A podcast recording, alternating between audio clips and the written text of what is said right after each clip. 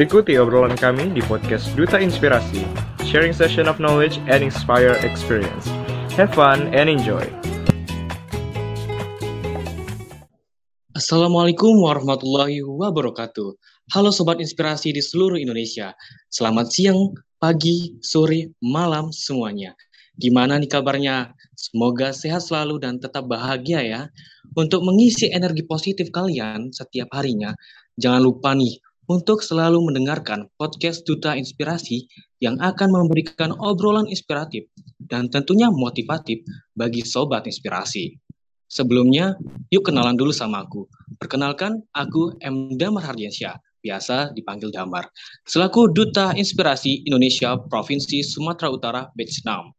Senang banget kali ini bisa menyapa Sobat Inspirasi Indonesia dalam episode Ponsel 3 atau yang biasa disebut Podcast Self Love dengan tema Jangan Jahat Sama Diri Sendiri. Kali ini aku ditemani oleh narasumber yang sangat luar biasa menginspirasi. Siapa lagi kalau bukan Kak Irwan. Halo Kak Irwan, gimana nih kabar Kak Irwan? Halo Damar, halo semua sobat inspirasi di mana pun teman-teman berada. Kabarku baik, kenalin nama aku Irwan atau biasa dikenal sebagai Wanca Mental Health Doodles. Nah, Sobat Inspirasi, kalian tahu nggak sih kalau Kak Irwan juga seorang konten kreatif yang cukup terkenal di Indonesia. Dan Kak Irwan juga adalah seorang konten produser loh. Nggak hanya itu loh, Sobat Inspirasi. Kak Irwan juga memiliki banyak sekali karya yang luar biasa. Dan yang paling wow adalah, Kak Irwan ini pernah mendapatkan penghargaan Guardian Wonderful People 2021 dan Hippie Premium Creator 2021 wah sobat inspirasi kayaknya nggak ada habisnya deh kalau kita ngomongin prestasi-prestasi yang pernah diraih Kak Irwan benar-benar sosok yang sangat menginspirasi sosok inspirasi ini tentunya menjadi inspirasi bagi kita semua dan semoga apa yang nanti dikatakan oleh Kak Irwan bisa menjadi inspirasi bagi kita semua nah Kak Irwan kalau boleh tahu apa nih kesibukannya selain menjadi konten kreatif dan konten produser sebelumnya salam kenal semuanya. Kali ini aku bercerita tentang pengalamanku dulu ya. Jadi memang saat ini aku kesibukannya kebanyakan memang bekerja dalam bidang kreasi konten-konten terkait kesehatan mental dan pengembangan diri. Selain itu juga aku ada mengisi beberapa acara sebagai pembicara terkait kesehatan mental atau istilahnya mental health advocate. Lalu aku juga sedang menggarap beberapa karya lainnya yang belum aku publikasikan. Cuma akan aku bagikan ke teman-teman duta inspirasi di sini, yaitu aku sedang dalam tahap proses penulisan buku. Tapi memang mungkin harapannya sih bisa dirilis di awal tahun depan, jadi mohon didoakan aja ya nanti tahun 2023. Amin.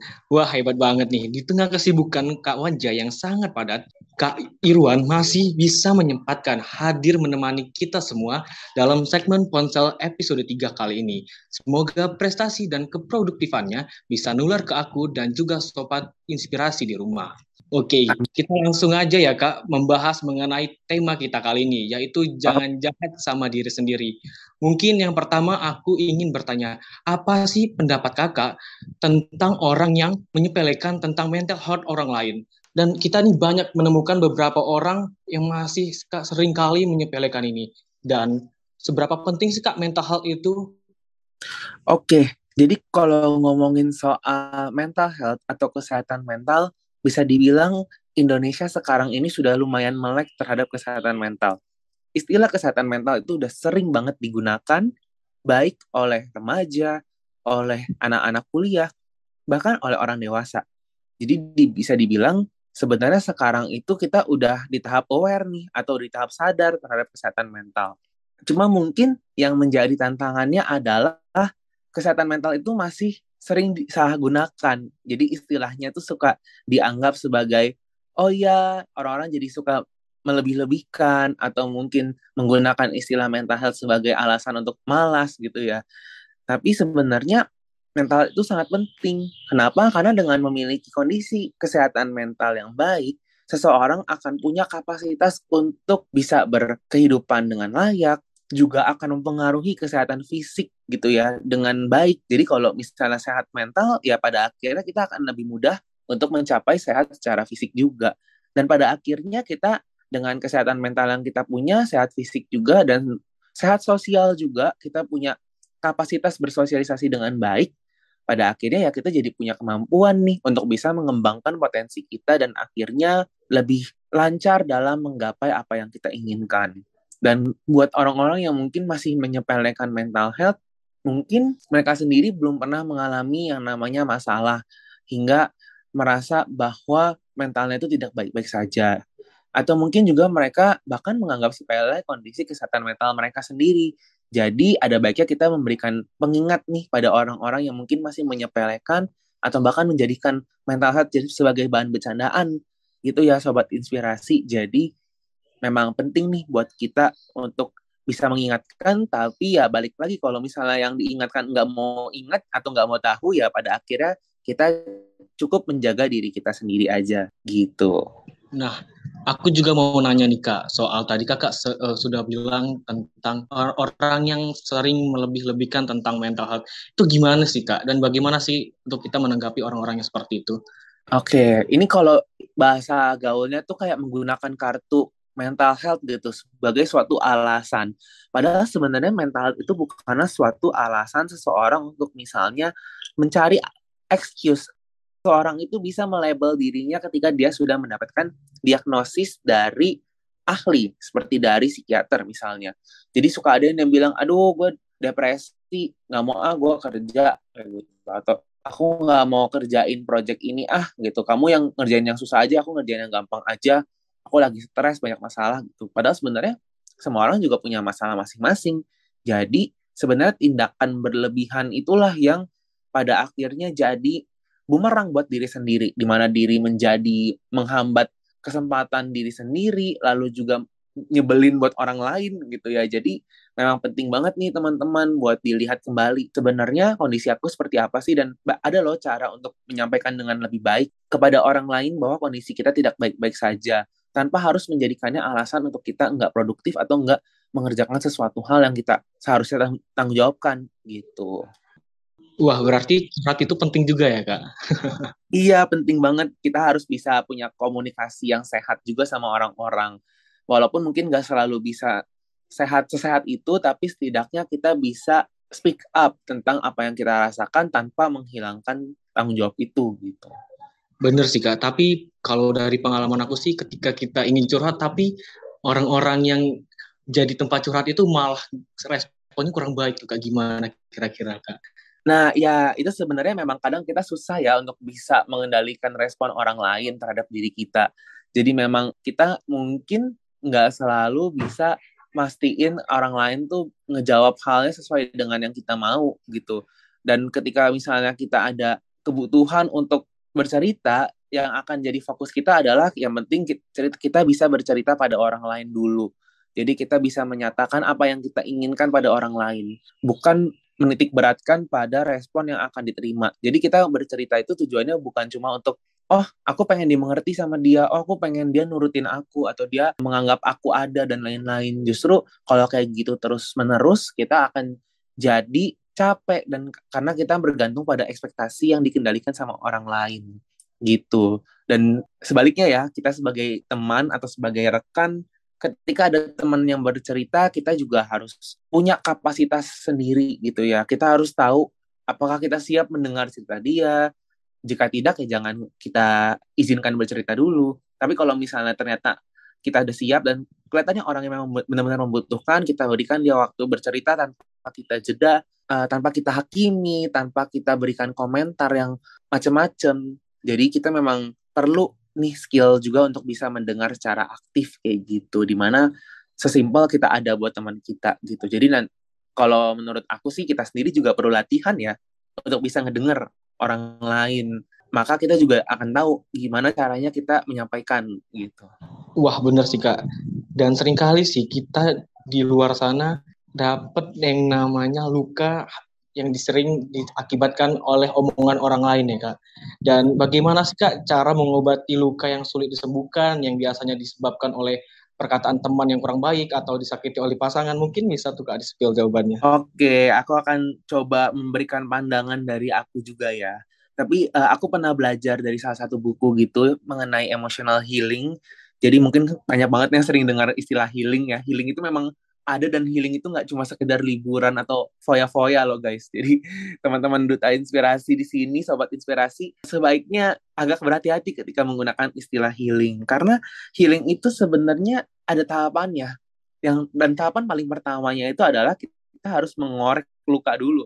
Istilahnya kita kalau mau menyembuhkan sesuatu, kita kan harus tahu sakitnya apa sih. Kan nggak bisa ya kita main ngasal ngelakuin sesuatu tanpa kita ketahui dulu karnya. Jadi memang healing itu kita harus mengorek lagi lukanya apa, masalahnya apa, apa trigger atau pemicu yang membuat kita itu merasakan emosi tertentu seperti itu.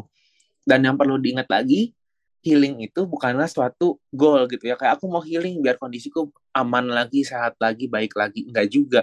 Mungkin masalah yang pernah terjadi, luka yang udah pernah terbentuk, entah itu mungkin pada masa kita kanak-kanak, atau mungkin belum lama ini gitu ya. Suatu kejadian yang mungkin benar-benar menimbulkan luka itu ya udah kejadian. Dan kita nggak bisa mengecilkan kejadian itu. Tapi kita bisa memperbesar kapasitas diri kita di mana kita jadi tahu gitu ya tahu strategi apa yang kita harus lakukan sehingga kita bisa menghadapi masalah tersebut. Jadi kalau misalnya trigger atau pemicu itu muncul lagi sehingga kita merasakan luka yang sama gitu kita udah tahu oh aku harus kayak gini nih untuk mencegah atau mungkin mengobatinya. Kayak gitu sih kurang lebih ya untuk menghadapi luka gitu ya. Kita harus tahu dulu nih cara pertama kita harus tahu dulu lukanya apa apa aja yang kita rasakan apa aja sih yang kita alami lalu bagaimana caranya kita nanti menghadapinya dan menyelesaikannya dengan kapasitas kita masing-masing. Dan nggak selalu sih masalah itu bisa kita hadapin sendiri. Jadi balik lagi ke tadi yang obrolan di awal nggak apa-apa loh kalau kita mau cari cerita ke orang dengan tujuan ya kita emang pengen sharing. Dan kalau misalnya kita pengen minta saran juga kita boleh minta saran. Tapi perlu dicatat nih bahwa belum tentu orang lain bisa memberikan saran sesuai apa yang kita butuhkan mungkin apa yang kita mau tapi belum tentu kita butuhkan. Jadi memang perlu kita lihat lagi atau kita pilah lagi. Setidaknya kita udah mencoba untuk mengomunikasikan masalah atau luka yang kita rasakan itu ke orang lain gitu. Jadi yang pertama sadarin dulu lukanya seperti apa respon tubuh kamu seperti apa baik fisik maupun mental.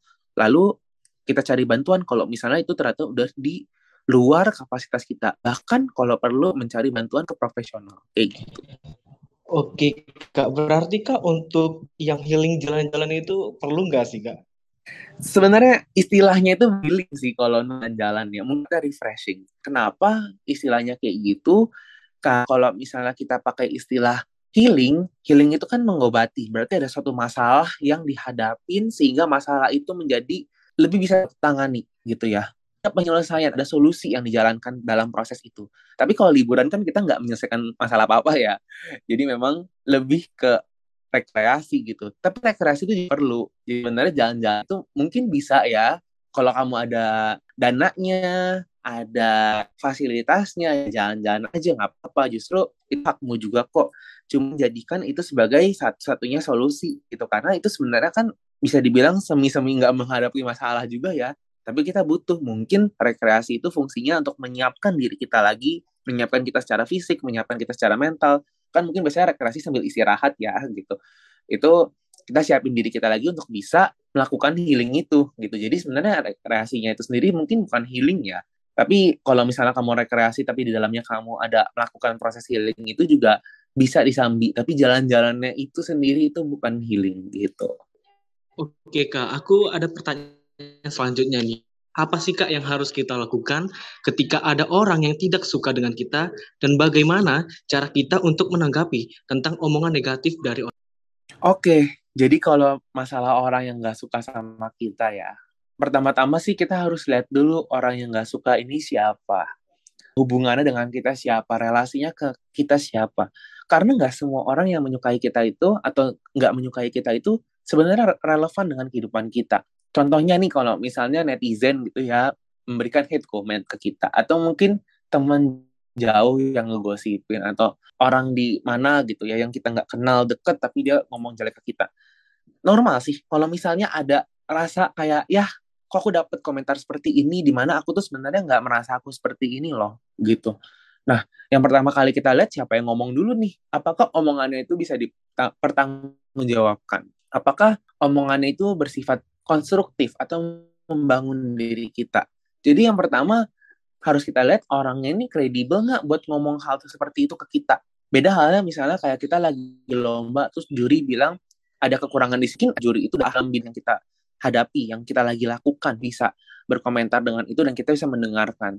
Tapi banyak orang yang mungkin bahkan dia tuh nggak pernah ngalamin apa yang kita alamin, nggak pernah berada di posisi kita, bahkan nggak pernah juga mencoba untuk menempatkan dirinya di posisi kita. Nah kalau ada orang-orang model gitu, aku sih udah langsung indeks kepercayaanku sama dia itu udah turun 90% kali ya. Jadi kayak aku udah nganggep dia tuh kayak omongannya sambil lalu aja gitu. Itu satu. Jadi kita harus lihat dulu siapa nih yang ngomong gitu ya. Karena itu akan sangat menentukan isi omongannya teman-teman. Lalu kalau misalnya yang kedua ya balik lagi kalau misalnya orang yang nggak penting ya cara nanggepinnya nggak usah ditanggepin gitu nggak usah digubris karena kan dengan menggubris omongan itu butuh energi butuh waktu butuh ada gerakan emosi juga gejolak emosi. Kalau aku pribadi aku nggak sudi sih buang emosi dan energi aku untuk hal yang enggak worth it buat diri aku sendiri. Yang kedua kita dari komposisi ketidaksukaannya. Jadi ketidaksukaannya karena apa? Kalau menurut aku pribadi kita harus menanggapi komentar yang mau pantas ditanggepin aja. Kalau aku sendiri, aku juga pernah dapet komentar yang menurut aku nggak nyaman, tapi dia tuh sebenarnya bisa membangun diri aku. Contohnya misalnya komentar, oh tulisan kamu kekecilan deh, kayaknya harus digedein dikit kak, gitu ya. Tapi awalnya tuh sempat pakai kayak kalimat yang mungkin nggak nyaman didengar dan aku nggak pernah dengar itu dari netizen yang lain gitu ya dan aku menanggapinya positif aja gitu karena menurut aku dia memberikan saran juga tapi beda nih kalau misalnya cuma kayak tulisan kakak jelek kayak gitu. Tapi kayak misalnya tulisan kakak jelek coba deh kakak pakai font. Atau tulisan kakak kurang rapi uh, mungkin bisa dibikin lebih sedikit kak dalam satu gambarnya gitu. Nah itu kan ngasih solusi ya. Kalau dia ngasih solusi baru aku tanggepin. Gitu. tapi kalau misalnya cuma kayak tulisan kakak jelek ya udah mungkin emang nggak bermanfaat buat kita juga tuh. Karena nggak dikasih solusi juga. Mas suruh kita yang mikir sendiri gitu ya. Kalau misalnya menurut aku sih yang paling baik adalah ketika kita ingin menyampaikan kritik atau mungkin ketidaksukaan pada suatu hal, ada baiknya kita menyatakannya lewat personal dulu nih. Mungkin DM, mungkin chat, mungkin ke teman di WhatsApp atau mungkin private message gitu ya. Karena kalau misalnya kita menyatakan ketidaksukaan lewat media sosial di umum itu jatuhnya jadi hate speech gitu. Jadi kalau teman-teman misalnya dapat kritik yang membangun, teman-teman bisa nih ngerespon dengan istilahnya bilang terima kasih, lalu teman-teman tanggapin secukupnya juga ya sebenarnya dan perlu teman-teman filter lagi nih omongan orang lain ke teman-teman. Jadi nggak harus semuanya ditanggepin, semuanya diurusin gitu ya karena nggak semuanya worth dengan energi kita, waktu kita, apalagi emosi kita gitu lama-lama kalau aku pribadi jadi nggak mudah tersulut sih sama omong yang aku nggak serak gitu dan aku rasa ini sehat juga nih buat teman-teman menerapkan tips ini biar teman-teman bisa tetap sehat mental juga dalam menghadapi hal-hal yang mungkin nggak nyaman atau nggak serak sama teman-teman. Wah, iya. benar sih Kak, relate banget. Karena mungkin banyak banget ya teman-teman di luar sana, termasuk aku yang sering sekali merasakan seperti ini. Nah, selanjutnya Kak, bagaimana sih Kak caranya untuk bisa merasa diri dan suka menjelekkan diri sendiri? Gimana tuh Kak? Oke, ini ada hubungannya juga sama self-esteem ya namanya. Dan seperti topik kita juga nih, kayak terkait self-love itu, sebenarnya memang self love itu pada dasarnya akan terbangun ketika kita udah sadar diri kita seperti apa baik dan buruknya kita, yang mana yang bisa diubah dan mana yang nggak bisa diubah atau sulit diubah, dan pada akhirnya itu akan membangun kepercayaan diri kita atau self esteem gitu ya, rasa berharga yang akhirnya kita jadi yakin sama diri kita, oh ternyata aku punya hal-hal ini loh, aku punya nilai-nilai seperti ini loh. Dan memang ketika misalnya kita butuh mengatasi rasa nggak percaya diri, pada dasarnya kita harus tahu dulu nih nilai kita seperti apa. Perbanyak dulu nih self awareness kita tentang kelebihan dan kekurangan kita, bagaimana dinamika diri kita sendiri gitu ya. Ngomong kasarnya tuh kayak berdamai dengan diri sendiri. Jadi kita juga udah selesai sama urusan-urusan diri kita sendiri dan akhirnya kita udah tahu aku tuh maunya ini, aku tuh butuhnya ini. Dan ketika misalnya kehidupan itu membuat kita berubah, kita juga bisa menyadarinya. Walau mungkin nggak cepet ya, nggak harus cepet-cepet kok, tapi kita pelan-pelan udah tahu, oh sekarang aku lebih suka hal ini, sekarang aku lebih suka mengeksplor hal itu gitu. Dari sanalah kita jadinya tahu nih harus ngapain aja. Dan ketika kita cenderung menjelekkan diri sendiri, itu sebenarnya ada pengaruhnya juga mungkin ketidaktahuan diri kita akan potensi diri kita. Itu bisa menyebabkan diri kita jadi kelihatannya kayak jelek terus. Atau mungkin kedua, kita kebanyakan membandingkan diri dengan orang lain.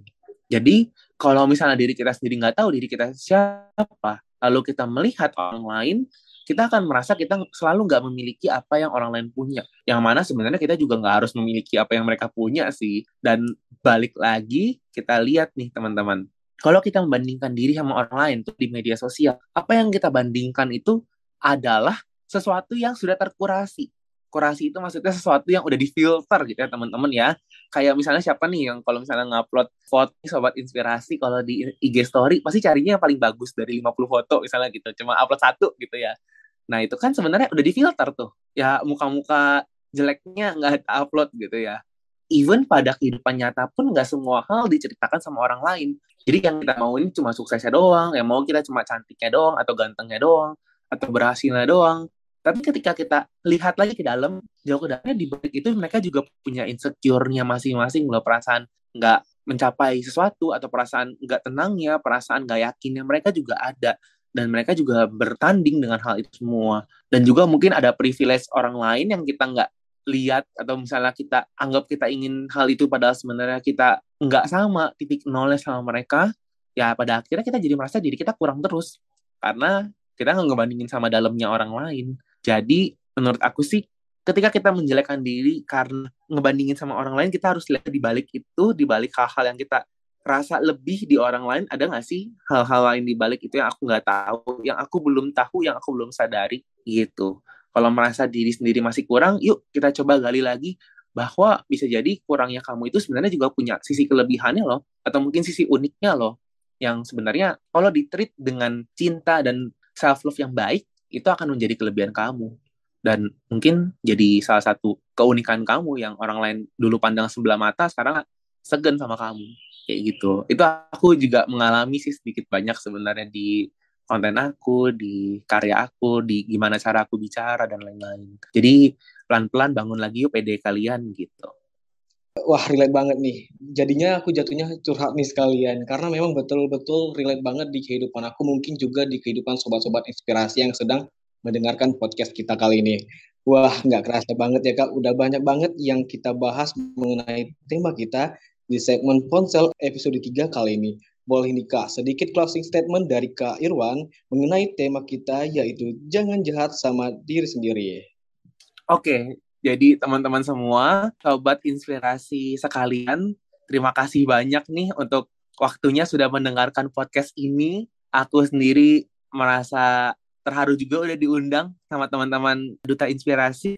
Nah, mungkin sedikit pesan dan motivasi buat teman-teman. Mungkin kebanyakan di sini pendengar tuh Gen Z ya, atau mungkin adik-adik lah di bawah aku umurnya. Tapi aku anggap teman-teman ini nggak lebih kecil juga, kita sama aja aku harap teman-teman bisa menjalani kehidupan teman-teman sekarang dengan damai. Nah, dan apa pun itu lagi kuliah atau mungkin lagi kerja atau mungkin kerja sambil kuliah atau mungkin masih ada yang SMA gitu ya sekolah.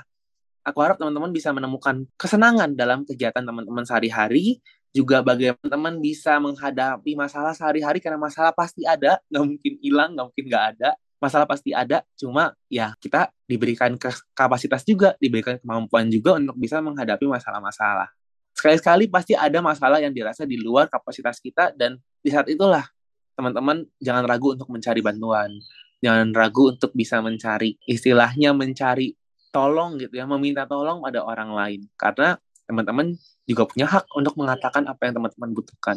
Oke mungkin saran aku jaga kesehatan juga karena sekarang cuaca juga lagi nano-nano ya pandemi juga di sini. Oktober 2020 itu juga masih masih bisa dibilang masih ada covid gitu ya. Jadi please jaga kesehatan teman-teman makan yang sehat tidur cukup olahraga yang cukup dan mungkin itu aja kali ya. Jaga kesehatan fisik juga jaga kesehatan mental jaga kesehatan sosial dan pada akhirnya kita akan menjadi pribadi yang lebih baik lagi. Gitu Wah, keren banget nih, sumpah sih. Aku kayak jadi curhat sekalian pada episode kali ini.